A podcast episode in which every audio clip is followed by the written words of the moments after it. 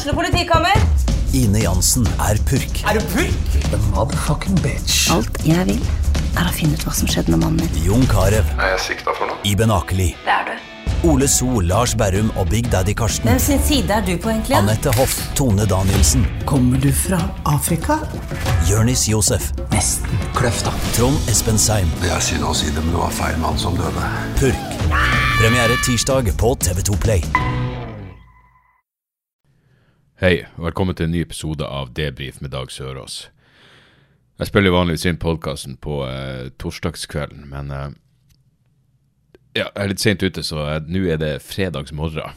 Og jeg rulla ut av senga for eh, ganske nøyaktig ti minutter siden. Så jeg er på min, eh, min eh, første kopp kaffe. Jeg, hadde jeg var med på et show i går som var det var faen meg noe av det mer uh, ræva opplegget jeg har vært med på en stund. Hvor uh, det er liksom, Når du driver liksom skriver nytt show, og så er det sånn Jeg står overalt. Jeg er, ikke noe, jeg er på ingen måte noe primadonna på akkurat det. Men det går også å være show noe som heter Prinsenhagen, som er en veldig kul greie som de setter opp. Jeg, jeg, jeg tror bare de setter opp utebar og sitteplasser og ei lita scene og sånn uh, på sommeren, og så tror jeg de pakker det bort resten av året. Men uansett. Problemet var at showet var Det var satt opp sånn at de som hadde kjøpt billetter, satt liksom innenfor et, et sånn lite skille. Men alle de andre, så det var hva enn som var der inne, 60 stykker. Og så sitter liksom 200 stykker rett utfor området. Men de sitter jo så å si like nært scenen som de som har kjøpt billetter. Så han ene, komikeren hadde liksom blitt spurt om han kunne gå og bare informere de som satt rett utfor gjerdet, at de var cheap for at de ikke kjøpte billetter. Så vi er sånn, mange som bare møter opp der for å ta seg øl ute. Så det var ganske merkelig opplegg. Så jeg bare starta med å spørre Si til dem sånn Hei, jeg kvier meg litt for å spørre, men hva koster billetten til det her? Så var det sånn 220 kroner. Jeg bare fuck. Da kunne du ta deg en, en halv dusj i stedet. For de pengene.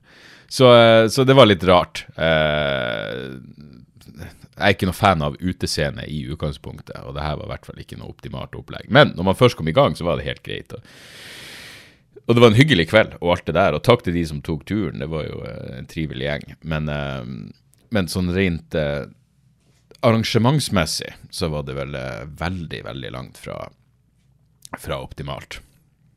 Ellers så går jeg bare og tenker på eh, eh, Altså, jeg er ikke helt sikker på hvordan NASA eh, styrte med eh, at hva de gjorde, men altså, det ligger ute nå lyden av et sort hull. Ifølge NRK så sjokkerer det. Det høres helt forferdelig ut. Og det høres eh, ganske creepy ut. Det høres ut som eh, sjeler fra helvete som prøver å kommunisere med deg. Um, Klippet er bare sånn eh, et halvt minutt, men, uh, men det høres spesielt ut. Og det her er et sort hull i sentrum av galaksen Perseus. Uh, og så sender du trøkkbølger på den måten som uh. Og det her er litt uh, Jeg vet ikke. Det, det er akkurat som jeg, jeg er jo i høyest grad en tilhenger av humor, men det, liksom, det, jeg forventer mer av NRK enn at når de har en artikkel om det her. Fordi, For det første, jeg vet ikke hva det her betyr, men det står tonen befinner seg rundt 57 oktaver under middel C på piano, tilsvarende en B. Eh, NASA har derfor remiksa lyden sånn at den er hørbar for oss mennesker. Det er det jeg ikke helt skjønner. Hva det betyr at de har remiksa lyden så den er hørbar for oss mennesker? Det har selvfølgelig noe med at det er 57 oktaver whatever. Um, så er selvfølgelig en, en komponist. Av en eller annen grunn så har de tatt eh, kontakt med komponist Ra- Raymond Enoksen fra Mosjøen. Opprinnelig fra Mosjøen i Nordland. Eh, Hvorfor det er relevant, må jo satan vite. Men eh, han vil gjerne eh, Han syns det er en fascinerende lyd og vil gjerne Han syns forskerne har gjort et hva det står, spennende stykke av musikalsk arbeid. Så jeg, jeg, men uansett, her var poenget med det den humorgreien. Så NRK skriver Hva minner lyden da om? Et stykke klassisk musikk. Lyden fra fortapte sjeler. Noe man kan høre DJ-en spille på et alternativt utested. Har ikke peiling. Så jeg går jo selvfølgelig for fortapte sjeler. Jeg vil tro at den Ja da. Mm. Se, se, jeg er så folkelig. 71 lyden fra fortapte sjeler. Og hvis du svarer 'har ikke peiling', herregud, altså. Og et stykke klassisk musikk mener, Ja, det var 7% Men jeg vet ikke. det, det, det er selvfølgelig eh, Man skal ikke Hva heter det? Nei, antropomorfere Antropomor... Det er vel når man gir dyr menneskelige egenskaper, er ikke det? Antropomorfisme betegnelse på et tilfelle der man utfører menneskelige egenskaper til ikke-mennesker. Å ja, ok, da funker til ikke-mennesker. Ok, da, da antropomorferer man vel denne lyden. Men eh, fascinerende, eh, uansett. Merker det litt tidlig på dagen for å begynne å fuckings antropomorfere ting som helst. Uh, ellers var jeg så uh, Altså, clutch er ja, jeg, jeg, vet ikke. Det er ikke så lett å kvantifisere de her tingene, men de er topp fem av mine favorittband gjennom tiden. Om ikke topp tre. Men jeg har aldri sett dem live før. Uh, jeg skulle Jeg vet ikke hvorfor jeg ikke kom meg dit. De spilte på Parkteatret for Jesus, hvem vet nå? 15 år siden eller noe sånt. Hvor de ble stoppa på grensa eh, med noe weed på bussen eller noe. Så de fikk bare noe sånt, De fikk slippe inn i landet, men måtte komme seg til helvete ut rett etter konserten. Eller et eller annet. Dere vet nå hvordan den psykotiske puritanismen fungerer eh, når det kommer til norsk narkotikalovgivning. Men i hvert fall, jeg, jeg var ikke på den på konserten, og helvete det har vært fett å se dem på Lille Parkteatret. Men i går, eh, eller to dager siden nå, så fikk jeg en sidesett clutch på på um, Sentrum Scene. Og det var vel en billett som var utsatt i to år. og, de, de, og, det var helt fortreffelig. Helt jævla nydelig. Helvete hvor mye bra. Jeg, jeg fikk litt sånn shit. Plutselig sier eh, Neil Fallon, sånn, vokalisten, sier sånn uh, Nå det, det, her er en låt fra uh, Elephant Riders. For dere for dere skikkelige gamlinger. Og det ble sånn Elephant Riders, hva er det snakk om? Det var jo Den kom vel i 98, tror jeg. Jeg, har vært fan siden 1993. Hvor, hvor, gammel er jeg da? Og så gjorde de jo en encore hvor de spilte en låt fra den mildt sagt fantastiske, selvtitulerte eh, 95-skiva deres. Eh, og da er det sånn Ja, den er i hvert fall for gamlinger. Jeg, jeg kan enda huske altså Clutch er et sånn de, de, de, er bare det perfekte rockebandet. Det er liksom ikke noe annet ting å kalle dem enn rockeband. Og, uh, uh, og den, den, låten uh, som, som, som, liksom gikk på MTV i 93, da Jeg er ganske sikker på at den første skiva kom i 93. heter A Shogun Named Marcus. Og det er en helt fantastisk låt. Når jeg hørte den, så var sånn Det her høres ut som ingenting annet jeg noen gang har hørt. Og den første Clutch-skiva er jo er jævlig fet. men så kom den, en, eh, den som bare heter Clutch i 1995. Og jeg kan huske at i 1995 så var jo jeg uh, Hva faen var jeg da? 17 år. At det her var Det er mitt første minne av ei skive som jeg først hørte og var skuffa, og så vokste den på meg, og så hørte jeg den om og om og om igjen, og så etter hvert må du bare konkludere med at det her er ei perfekt skive. En udødelig jævla klassiker. Men det tok meg så jævla mange gjennomlyttinger. Og den er veldig annerledes enn den første, som liksom er mye mer eh, rett på sak. Eh, ganske meat and potatoes-rock, eh, dog fantastisk. Så var den, den, den, neste skiva mye mer intrikat og mye mer lange. varierte låter og Ja, nei, faen så bra. Og så herlig å få se dem live. Men uansett, jeg var rett før jeg kom dit, så var jeg på, nede i en kjeller på Grünerløkka og testa ut noe materiale som ikke funka. Jeg går ned i sånne jævla rabbit hole hvor, hvor, jeg tenkte sånn OK, jeg må, jeg må bare skrive et eller annet jeg må ha noen, noen, nye ting å prøve. Hvis ikke det er en vits i Hvorfor skal jeg stå i en kjeller på Grünerløkka foran 20 stykker hvis jeg ikke har noe nytt materiale? Så jeg begynte Jeg hadde en sånn greie som aldri beina av om, om, en, om en henrettelse en, eh, på Akershus festning i 1844 som gikk litt til helvete. Og den har jeg prata om før, bare sånn vagt, men aldri gjort noe med den. Og så plutselig begynte jeg bare å gå ned i et sånn jævla rabbit hole om han bøddelen og andre bødler og historien med, med, med norske henrettelser, offentlige henrettelser, og de betegnelsene at de ikke at de ikke kalte dem bøddel, men uh, hva det var, mestermenn, tror jeg, og, og skarp, skarprytter. Det er et eller annet sånn, sånn rart begrep. Uh, og i tillegg til kjøttmaker. Det var min, uh, min favoritt, å kalle bøddelen for en kjøttmaker. Og så begynte jeg å tenke på ja, at, at de fortsatt har skyting som henrettes i Utah. Så ja, det balla på seg. Så når jeg kom ned i kjelleren der, så hadde jeg så mye bøddelmateriale i hodet. Men, men, det var tydelig at enten var ikke publikum i humør for, for uh, henrettelsesprat, eller så var det bare, hadde ikke jeg strukturert de her tankene ordentlig. Uh, og uh, ja, det kan, være, det kan absolutt være 50-50 der. Og jeg tror fortsatt at det kommer til å bli Jeg tror fortsatt at det kommer til å bli et eller annet av, det materialet der. Jeg må bare få Ja, må bare få strukturert det litt mer. Ellers så satt jo jeg Så dette er et av problemene med, å, med mennesker. At det er noen folk du bare liker.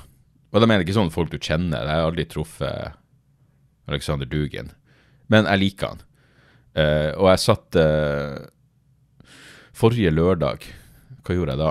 Jo, da hadde jeg det prøveshowet, og så Ja, så jeg, jeg, jeg, satt bare hjemme, og så så jeg plutselig noen som la ut at dattera til Dugin mest sannsynlig var drept i et uh, bilbombeangrep.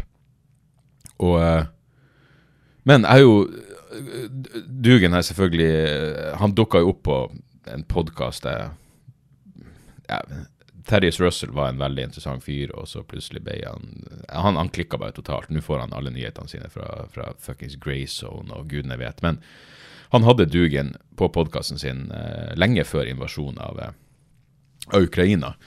Så jeg hørte på det der og ble ganske fascinert av den eh, fuckings Jeg vet da faen. Tydeligvis religiøst funderte kryptofascismen eller hva enn man skal kalle det. Og, eh, og, og, og, bare sånn helt skamløse forsvaret for russisk imperialisme. Og ikke minst eh, det skamløse forsvaret for, for slags sånn postmoderne tilnærming til sannhet, hvor det bare er sånn Hei, hvis jeg sier at noe er sant, så er det sant. Er det, er det en russisk rakett som bomba et uh, et sykehus. Det, hvis jeg sier at det ikke er en russisk rakett, så, så, har du de sannheter, jeg har min sannhet. Den der type fuckings fjas som jeg egentlig hater. Men jeg, fucking, jeg liker han. Og det er et eller annet med utseendet til Alexander Dugin som, som jeg bare liker. Uh, og også hengt meg opp i at uh, helvete, media er ræva på å bare fortsette å bruke Bare fordi det høres catchy ut med Putins hjerne. Jeg husker Carl Rove. han var en sånn, uh, De kalte han Bushs hjerne, altså George W. Bush på eh, tidlig 2000-tallet. Um, de kalte han Bush i hjernen, og det, det høres catchy ut. Og her er han som tenker for en men, men de driver altså og kaller Dugin Putins hjerne, og han er Rasputin. Men alle analytikere, eksperter, folk som skal ha peiling på det her, alle, alle som er en, enten det er NRK eller Aftenposten eller The Economist eller New York Times, alle som er en sier han er ikke Putins hjerne. Dette er en meningsløs ting å kalle han. Uh, han er ikke noen Rasputin-figur heller. Fuckings Dugin er en politisk entreprenør. Um, faktisk det mest interessante uh, uh, Altså, det, det, var noen Jeg tror det var The Economist som påpekte at for, altså Dugin er du, du, du, kan lure på om han, er, om han er fascist, eller om han har fascisme som levebrød. Og jeg syns det var en jævlig interessant distinksjon. Uh, og det kan du jo finne mye av på ja, Særlig i USA, med alle det, det de kaller grifters, altså folk som bare som bare gjentar sånne talking points fra ytre høyre i USA, fordi det er sånn du tjener penger og får YouTube-klipp og, og, og, sponsorship av, eh, av mer velstående, eh, høyrevridde millionærer og milliardærer. Men så, så, man kan jo si Jeg vet da faen. Dugin, ja, han er vel filosof, men, uh, det, er mye, det, men det er fascinerende svar, det. det. Det er interessant. Uh, altså, diametralt motsatte synspunkt på, på, alt tenkelig. Men det er ingen tvil om at han Jeg, jeg vet ikke i hvilken grad han har påvirkningskraft, men han legger nå et slags en jævla intellektuelt slør over uh, krigsforbrytelser og rått maktmisbruk. Men i det her angrepet så var det jo ikke Dugin som ble drept, det var jo dattera hans som heter Daria Dugina. Og eh, mellom oss, jeg vet da faen hvordan jeg skal si det, her, jeg syns hun var ganske hot. Eh, det, det, må jeg bare innrømme. Kanskje jeg har en sånn fascistfetisj. Jeg vet da faen. Men det, det er bare rart. Det bare slo meg som veldig rart. Jeg mener, hvor mye mennesker er ikke som blir drept hver eneste dag i Ukraina? Jeg vet ikke hvorfor jeg ble så fascinert av det her attentatet. Det, det er selvfølgelig noe annerledes når det er fordi Moskva er, visstnok en veldig fredelig by. Det er ganske lite kriminalitet der. Og det, det er ikke en dagligdags greie at det går av bilbomber. Så det var jo selvfølgelig et eller annet spektakulært med det. Og så var det der at eh, når ble bomba plassert? Fordi Dugen og dattera var på noen sånn festival for fascister. Og det er også tatt Her er en annen ting som jeg ofte henger meg opp i. Hvis, sånn siste bilder. Jeg vet ikke om jeg snakka om det her før, men det er veldig sånn siste bilder av folk. Eh, når det er tatt et bilde av noen rett før de dør, så får jeg bestandig litt sånn Jeg blir fascinert av det. Um, jeg husker han, er, hva han heter Lasse Lindroth, han er svenske komikeren, som, som, var i Oslo og spilte inn noe TV-program, og så døde han i bilulykke på vei tilbake til Stockholm. Jeg, jeg mener bestemt det var han noen, Han var fylte bensin på veien, og så var det noen, en eller annen fan som tok et bilde med han. Uh, det var jo før selfie av sin tid, selvfølgelig, men det bildet ble lagt ut, og så var det sånn ah, fuck det her. Så jeg vet ikke, jeg, det er en eller annen fascinasjon for det. Men jeg er også fyren som liksom kan, kan se bildet av av uh, Jeg vet da faen. Noen som er drept i krigen, og så kan jeg se på sokkene og tenke at de visste ikke at det her skulle skje når de tok på seg sokkene den dagen. Det er en sånn morbid fascinasjon. Uansett, poenget mitt er jeg syns Daria Dugina var det er sånn, Og egentlig, hun var virkelig ikke min type. For det første, selvfølgelig. Høyreekstrem er jo ikke min type. Men i tillegg virker hun som sånn Ice Queen. Jeg vet ikke om det bare er noe med russiske genene eller noe sånt, men hun virker som hun, har vært i, hun hadde vært i bra eh, flyvertinne eller dominatrix. Uh, og kanskje jeg bare syns det er også et eller annet interessant med når ungene går så i foreldrene sine fotspor, at, uh, at, at faren din er en uh, en fascistdemagog, og, og, så blir liksom du, du, du hiver deg på den familiebedriften der hvor du liksom sprer ideer om at Ukraina ikke eksisterer som nasjon, og at de som bor der, er undermen nazistiske undermennesker. Det er noe gøy med noen som påpekte at hele den ideen om at Ukraina skulle denazifiseres Interessant tanke, særlig med tanke på at alt av nazister i Russland støtter den ideen. Skulle tro de ikke hadde helt, vært, helt hadde stått inne for akkurat den takken. Men, men som sagt, de har vært på en eller annen fascistfestival.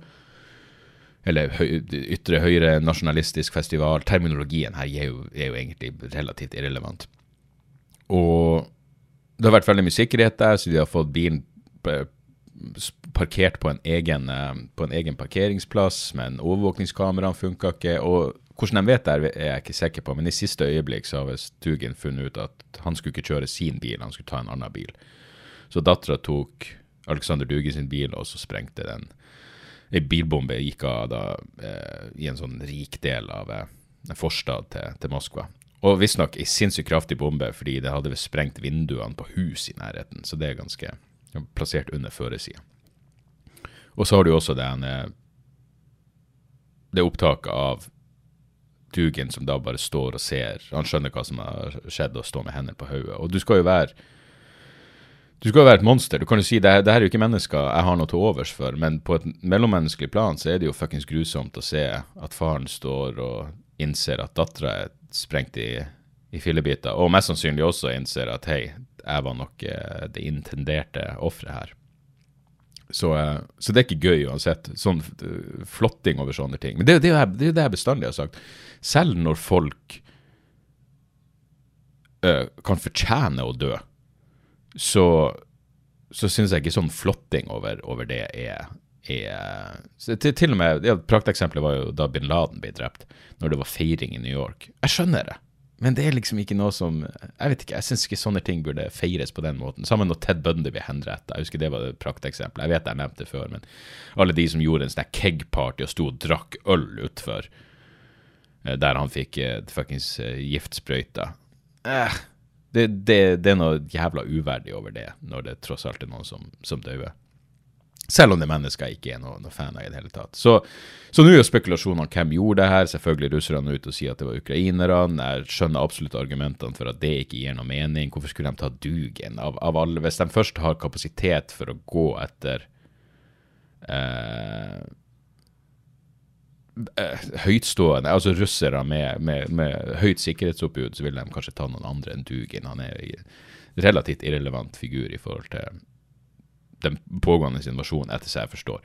Så da er spørsmålet er det FSB, er det, er det russisk etterretning, som gjør det som et påskudd for å steppe opp uh, ugjerningen i Ukraina, som heller ikke gir noe mening, for det ville de vel bare gjort hvis de ville. Um, hvem som holder dem tilbake fra ytterligere eskalering, er vel ikke folkeopinion i Russland. Og så er det selvfølgelig kanskje det mest plausible, jeg vet ikke, men at det er noe, selvfølgelig noe intern maktkamp eh, blant den type folk i Russland. Det er også snakk om noe sånn ny fraksjon av, eh, av høyrevridde nasjonalister, en ny gruppering. At det kan være dem som har gjort det. Faen vet. Eh, Død er han jo i hvert fall, i høyeste grad. Um, så, så, det ble bare en sånn, en sånn, sak. Av og til så blir jeg bare sånn, jeg blir oppslukt i enkelthendelser på den måten. Uh, ellers var det en interessant debatt på Debatten, var det vel, uh, om sanksjonene mot Russland. Og det var Guri Melby fra Venstre. Hun, uh, hun, hun står fremst, liksom. Skal, hennes uh, stikk Og det og for all del, jeg, jeg, tviler ikke på at hun mener det, er liksom at hun skal være den mest uh, hardbarka motstanderen av, av Putin-regimet. Så de driver og diskuterte sanksjoner. Og så har du folk som forsker på sanksjoner, forklarer hvorfor sanksjoner av og til ikke fungerer, og det er tilsynelatende et empirisk faktum at sanksjoner mot, mot, Russland, som jeg støtter, ikke har hatt de, liksom de, de, de konsekvensene mange hadde håpa på. Men da er det liksom Guri Melby, og da, da, blir det liksom lagt frem. Her er forskninga, her er det vi vet om sanksjoner, jeg er en ekspert på sanksjoner. Men Guri Melby sier ja, vi vet ikke, vi kan ikke si ennå om de her sanksjonene kommer til å funke eller ikke. Og det er sånn, nei, du har jo selvfølgelig teoretisk sett rett i akkurat det.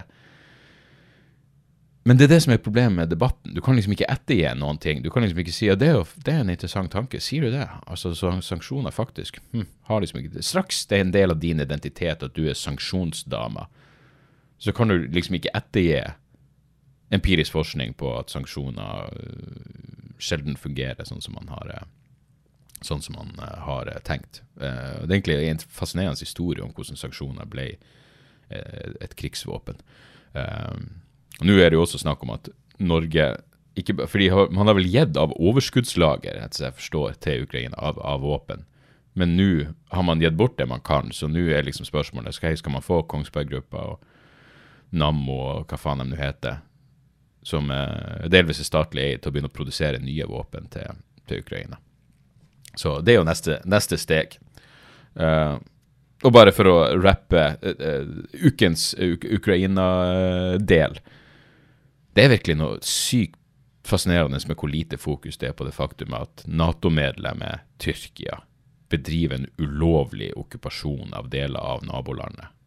Nato-medlemmet Tyrkia som nå får eh, tydeligvis innført den ideen om at de må få utlevert kurdere fra Finland og Sverige, eh, primært Sverige, for at de skal godta svensk eh, og finsk Nato-medlemskap. Det er liksom, Nato støtter åpenlyst den islamske stat. Det burde problematiseres adskillig mer. Helvete Erdogan har sikra seg et godt, eh, et godt, eh, et godt kort oppi alt det her. Uh, ellers så, vet du jeg, jeg hører jo ikke Jeg nevnte det litt på, på Patrion-episoden som kom tidligere denne uka. Men jeg, jeg hører ikke så mye på, på, Rogan lenger. Men når han har Tim Dylan som gjest, så, så blir jeg nødt til å høre på. Og da er det altså For det første, det er noe gøy når du Altså, Joe Rogan har en måte å prate på, tror jeg, som gjør at veldig mange bare jatter med. Altså han er så, Dette har med fremtoninga og påståeligheter og Kanskje det ikke har egentlig noe med Rogan å gjøre. Hvis noen er veldig engasjert altså Hvis du er i en samtale med en venn, og samtalen går bra, og dere har liksom Nå er flyten der, vi er enige, vi flirer, det er frem og tilbake, og noen sier noe som du bare er sykt uenig med. Kanskje det bare gjør noe med dynamikken i samtalen hvis du sier sånn Hei, vent, den, den filmen sugde jo. Bare, jeg bare la merke til det, fordi uh, delen av Rogan sitter og prater om filmer, og eh, de prater om streamingtjenester og liksom eh, hvordan det går med Netflix, og at de produserer ganske mye dritt. men det, jeg, jeg, husker ikke nøyaktig hva det var, men på et tidspunkt så sier i hvert fall Joe Rogan at filmen The Black Phone var jævlig bra. Og Tim Dillon sier seg enig. The Black Phone med Ethan Hawke. Jeg var, jeg, jeg likte den filmen. Uh, jeg liker jo både seriemordere og horror. og Jeg husker faktisk da jeg var oppe i Båtsfjord og, uh, og gjorde den show på den uh, Jeg husker ikke hva det heter. De hadde en festival i Båtsfjord. Liksom Det som åpna den festivalen, var at de hadde premiere på filmen The Black Phone. Så jeg husker jeg sa på scenen at å, dere åpna festivalen med en en serie om en uh, sadistisk pedofil Nei, en film om en sadistisk pedofil seriemorder, og så har dere standupshow med meg, så det her er jo virkelig å hoppe etter, etter Virkola. Men i hvert fall. Så Tim Dylan sier at ja, ja, det var en bra film. Tim Dylan prata i en evighet om hvor mye han hata The Black Phone i en episode av sin podkast. For Tim Dylan, der hører jeg absolutt alt. Det eneste jeg ikke klarer med Tim Jeg har fortsatt ikke klart å høre ferdig den Curtis Jarvin-episoden, fordi det er så ulidelig mye svada der. Altså, Tim Dylan er ikke noe ja, Episodene kan være sykt gøy når det er, når det er komikere som gjester, men når han skal ha en sånn kontrær fuckings fascist, igjen fascist, Curtis Jarvin, som gjest, så er det bare uinteressant, fordi Curtis Jarvis sitter og sier så jævla mye dumme ting som Tim Dylan bare lar han slippe unna med. Uh, hva var poenget mitt? Jeg hører på alt av Tim Dylan, og han han latterliggjorde Black Phones inn i helvete. Han og Ben, og produsenten hans, bare syntes den filmen var helt ulidelig ræva. Så hvorfor ikke si det til Rogan? Bare, nei, den filmen sugde jo, hva du snakker om. Men igjen, jeg skjønner det kan være dynamikken i en samtale, og kanskje han ikke registrerte at det var den, kanskje han tenkte på en annen film. Det kan være tusen forskjellige. Som noen som bare jabber i en mikrofon i timevis i løpet av en måned, så kan man ofte si ting som bare Å, fuck, det tenkte jeg Ja, det, var en brainslip. Men Uh, det er noe med, Hver gang jeg hører Tim Dylan og Joe Rogan, så slår det meg at Tim Dylan er ti ganger smartere enn Rogan. Kanskje 20, kanskje 50 ganger smartere enn Joe Rogan. Og noen ganger så er det nesten så jeg føler at, Ro at Tim Dylan ser ned på Rogan. At han bare er sånn Fuck, den her tomsingen, hør på han. Men han er jo sykt populær, liksom. Ikke sant? Det er så hva man skal gjøre.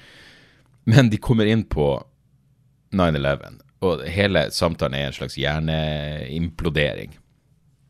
Men der er plutselig Rogan den mest rasjonelle. For Tim Dylan begynner selvfølgelig med Det er mye vi ikke vet om den dagen, det er mye vi ikke vet om 11. september-angrepene. Ja, ja, absolutt. Det er helt sagt. Helt sant.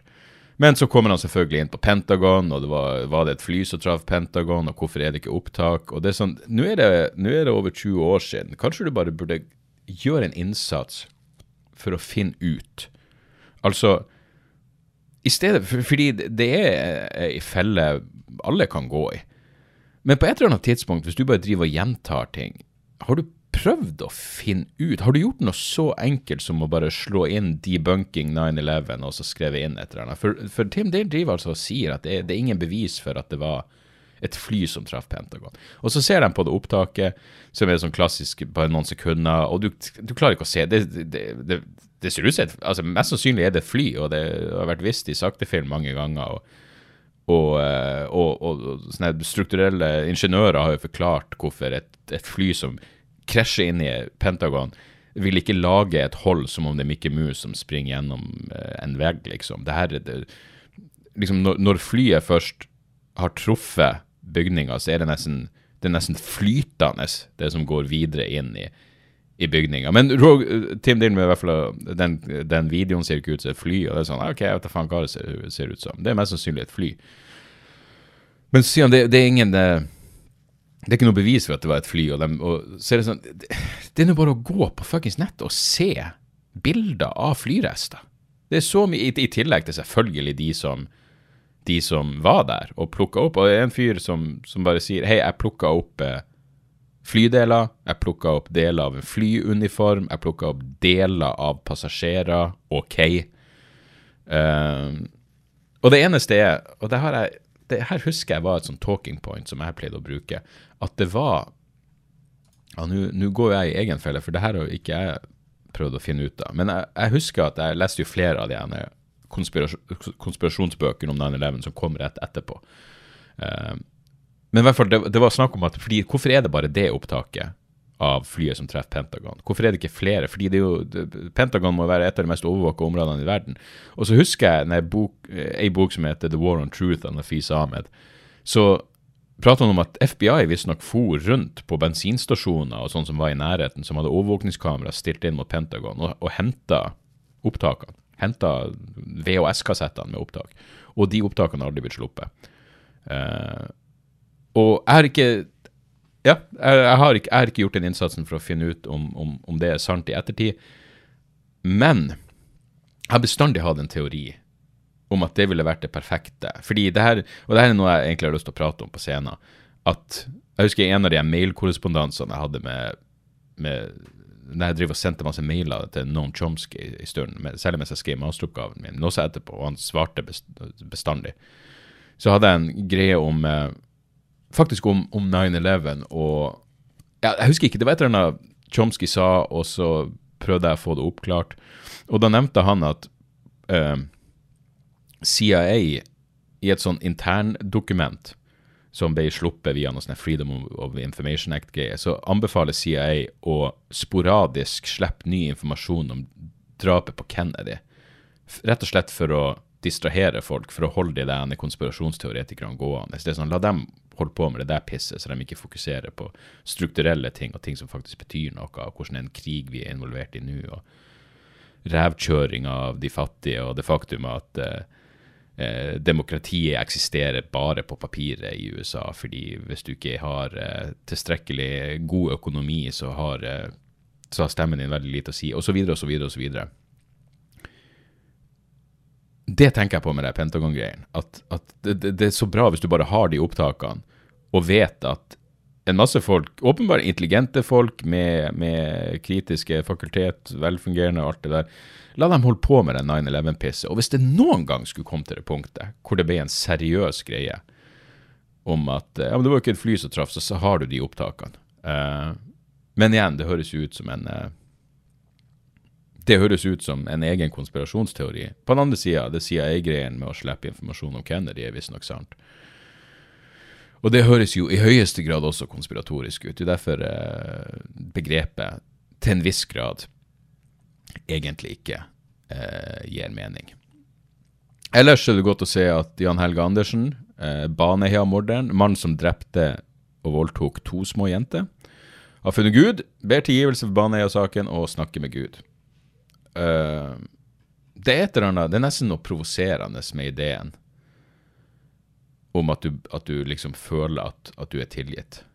Ikke av, de, ikke av de etterlevende, ikke av noen som faktisk eksisterer, men du snakker med noen i ditt eget hode, og så er du tilgitt. Jeg skjønner at liksom for selvpreservering så, så har det en effekt, men det er et eller annet eh, provoserende med det. Og nå er det jo, nå virker det som, nå begynner det, begynner det virkelig å, eh, å, å, synke inn hos folk at vi står overfor ja, norgeshistoriens verste fuckings justismord. Uh, det er akkurat nå jeg kommer på at jeg hadde jo en avtale med Bjørn Olav Jahr om å prate med han. Han som har skrevet både 'Drapen i Baneheia' og, og, 'Prosessen mot Viggo Kristiansen'. Virkelig en av de folkene som har vært uh, fuckings viktig i å få uh, I å få uh, Ja, i gjenopptakelsesprosessen til Viggo Kristiansen. Uh, men et eller annet skjedde fra min side som gjorde at det ikke ble noe av, og så har det bare spunnet, forsvunnet litt. Men faen, det må jeg gjøre noe med. Uh, uansett, i dag skal jeg Hva skal jeg i dag?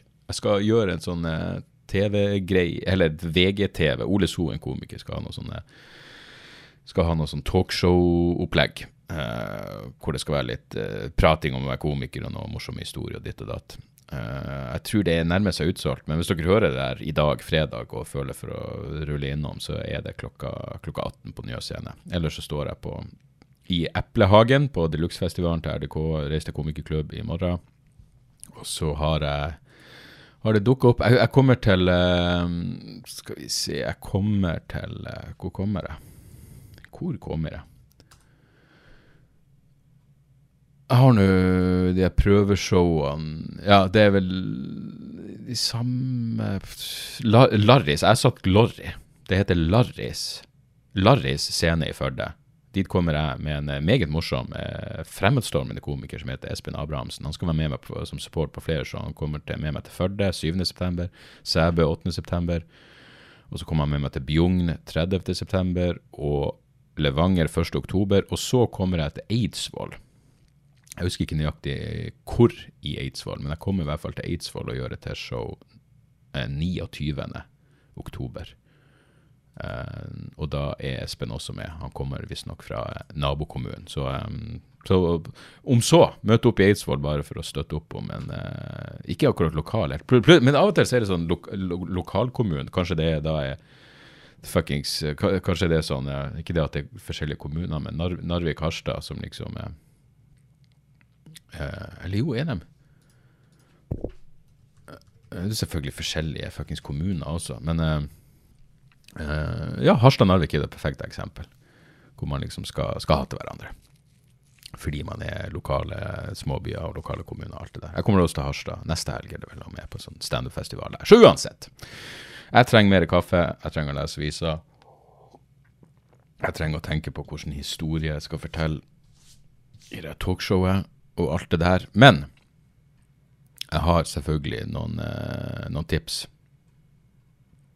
uh, helt på slutten. Uh, et boktips. Amanda Montell har skrevet en bok som heter Cultish. Um, jeg er ganske sikker på at den har en undertittel. Et eller annet language. Cultish, The Language of Fanaticism.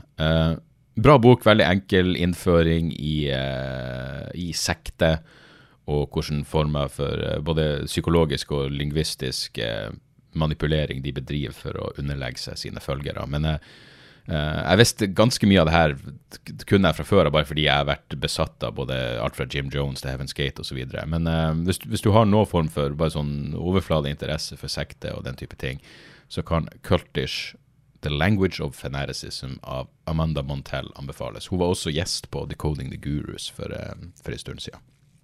Så fin lita bok, enkel å lese, og uh, ei fin innføring i uh, psykologisk manipulering. Så så jeg også en uh, dokumentar som var veldig interessant, på Peacock, The Toolbox Killer, som vel er Jeg mener En av de verste seriemorderne. Altså, det her er vel han Lawrence Bedecker han døde for et par år siden. Uh, han er en fyr som heter Ray Norris. Roy Norris. Driver og uh, for rundt i uh, på slutten av 70-tallet og torturerte og drepte unge jenter. Og jeg husker jeg leste en sånn fra rettssaken en sånn transkribering av et opptak de tok opp mens de drev og torturerte jenter. Og så var det bare ja, det er noe av det verste. Jeg får fortsatt fuckings frysning av det. Men i hvert fall eh, Det som gjorde denne dokumentaren interessant, var at det var en ung psykolog som da plutselig fikk Norris, nei, Bittaker eh, i snakk. Eh, og fikk han til å innrømme en god del ting. Og det er altså eh, det, det, er noe med det der. Å bare høre nå en, liksom en gammel gubbe, men en, en virkelig et sadistisk monster av verste fucking sort faktisk åpner seg litt opp. Eh, så, så, hvis dere har den, den type fascinasjoner, så kan jeg anbefale The Toolbox Killer. Eh, også et par, eh, et par platetips. Eh, en lytter Skal vi se, hvem var det? Uh, Skal vi se her Henrik tipsa meg om uh, I eksil, det sorte album. Helt ferskt. Eh, og det her er visst et uh, Ja, hva er de egentlig? Jeg, jeg syns nesten de er sånn Av og til høres det ut som sånn, Det med et rockeband, men sånn, nesten sånn gotisk rock. Jeg, jeg vet da faen. Minner meg av og til litt om Dia Salma, det svenske knallbandet. Men jeg lurer på om de er fra Hammerfest, faktisk. Men uansett, den skiva var bare sånn Fuck, jeg har aldri hørt om de her jævlene. Jeg kan si ekte rock på dialekt, absolutt. Og jeg har aldri hørt om dem, og det er dritbra. Og det uh, det, altså det er noen Den åpningslåten, 'Nattverd', er faen meg helt fantastisk. Og så er det en låt som heter 'Fundament', som bare er i helvete. Et av de mest catchy fuckings refrengene jeg har hørt på evigheter. Så, eh, så støtt opp om eh, strålende norsk musikk, musikk og sjekk I eksil, det sorte album. Anbefales varmt. Og så må jeg anbefale et black metal-album. Og her er greia, jeg, jeg, jeg, følger med på Banger TV. Og der er det en som heter Blaine Smith, som jeg, jeg har ganske sånn eh, overlappende my, mye av den samme musikksmaken. Han tipsa om et eh, black metal-band, Uh, og nå slår det meg allerede at hva er det rette Hva er den korrekte Er det urfolk man sier nå? Det, det, det man bare kalte en, en indianer. Uh, en, en uramerikaner. Det er et enmanns black metal-prosjekt som heter Black Braid. Black Braid i ett ord, og skiva heter bare One. og jeg bare hørte Han er blindsmitt. Eh, han, har en sånn månedlig, det som kommer ut av undergrunnsmusikk neste måned, som er verdt å sjekke ut.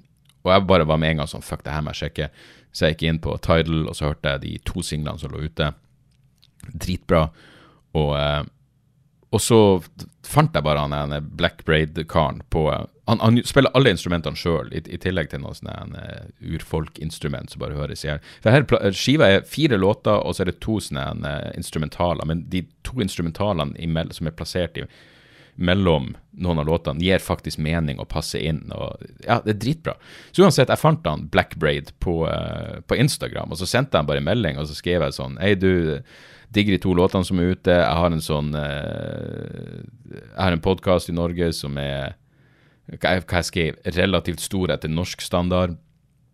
Så skrev jeg bare uansett Det her var i begynnelsen av, begynnelsen av måneden. Så skrev jeg bare uansett, hvis du skulle føle for det, så kan jeg Hvis du sender meg skiva di, så skal jeg eh, plugge den, fordi jeg digger de to låtene som er ute. Og hvis ikke, uansett, du er et geni. Og jeg fikk svar med en gang, og han sendte meg skiva i sånn ukomprimert, så jeg får liksom den ordentlige lytteropplevelsen. Og den er rett og slett dritbra. Black Braid One. Det er second way black metal. Uh, flere anmeldere har vel påpekt noen sånn åpenbare Immortal eh, Men jeg, jeg hørte et intervju med han hvor han sa at han var ikke noe Immortal Han hørte ikke noe særlig på Immortal, men han var stor fan av finsk black metal. Og, og Dissection, da, selvfølgelig. Uh, men det jeg liker med han, er at han sa at det er så mye det er så mye av black metal som er fokusert på hat, mens hans musikk er fokusert på natur og liksom det majestetiske og vakre med naturen. Så det er noe eh, Det er sånn skive du virkelig kan kose deg med. Du kan gå i skauen. Hvis du selvfølgelig liker second wave black metal, men eh, Black Braid One eh, meget så jævlig bra. Og så et lite podkast-tips helt på slutten, fordi jeg prater om The Toolbox Killer. Very Bad Wizards, som jeg har nevnt en million ganger, en av mine favorittpodkaster. En filosof og en psykolog som har helt fortreffelige diskusjoner. De har en episode om evil. Eh, jeg tror du må et stykke tilbake. Det er kanskje et par måneder siden den episoden kom. Men den kan virkelig, eh, virkelig anbefales. Eh, om rett og slett begrepet, om det gir mening å kalle folk ond, og, og er det folk som er onde, eller gjør folk onde ting? Alle de der klassiske filosofiske spørsmålene. Eh, hvor de da tar utgangspunkt faktisk i noen sånn grusomme seriemordere også. Ikke toolbox killers, men, men andre mennesker som har gjort eh, forferdelige ting. Så eh, den kan i høyeste grad også anbefales. Jeg lurer på om den bare heter Skal vi se den den først Når jeg nå først setter Very Bad Wizards, og så søker vi på episoder Evil Ja, den heter bare Evil. Den kom 6. juli. Eh, episodebeskrivelsen er David and Tamler descend into the dark pits of hell to look Satan in the eyes and discover the nature of evil. Uh, og står OK, that's not fully accurate. We just read and talk about a couple of philosophy articles that analyze the concept. Så uh, fortreffelig gjeng. Så, så der. Der. Det er da mer enn nok å fuckings ta inn av uh, både lesestoff og lyttestoff og hørestoff. I den grad det er en forskjell på lyttestoff og hørestoff. Jeg tenker vel at du lytter på musikk, og så hører du på podkaster. Eh, det er i hvert fall det jeg gjør. Så der, så. Det var dagens episode. Da skal jeg få den ut. Og så patrion.com patreon.com slash dagsoras hvis dere vil ha bonusmateriale. Og eh, dagsoras.com for eh, kommende show. OK? Glad i dere. Nuss og tuss og eh, full fuckings pakke. Vi høres snart igjen. Tjo og hei. Har du et enkeltpersonforetak eller en liten bedrift? Da er du sikkert lei av å høre meg snakke om hvor enkelt det er med kvitteringer og bilag i fiken, så vi eh, gir oss her, vi. Fordi vi liker enkelt. Fiken superenkelt regnskap.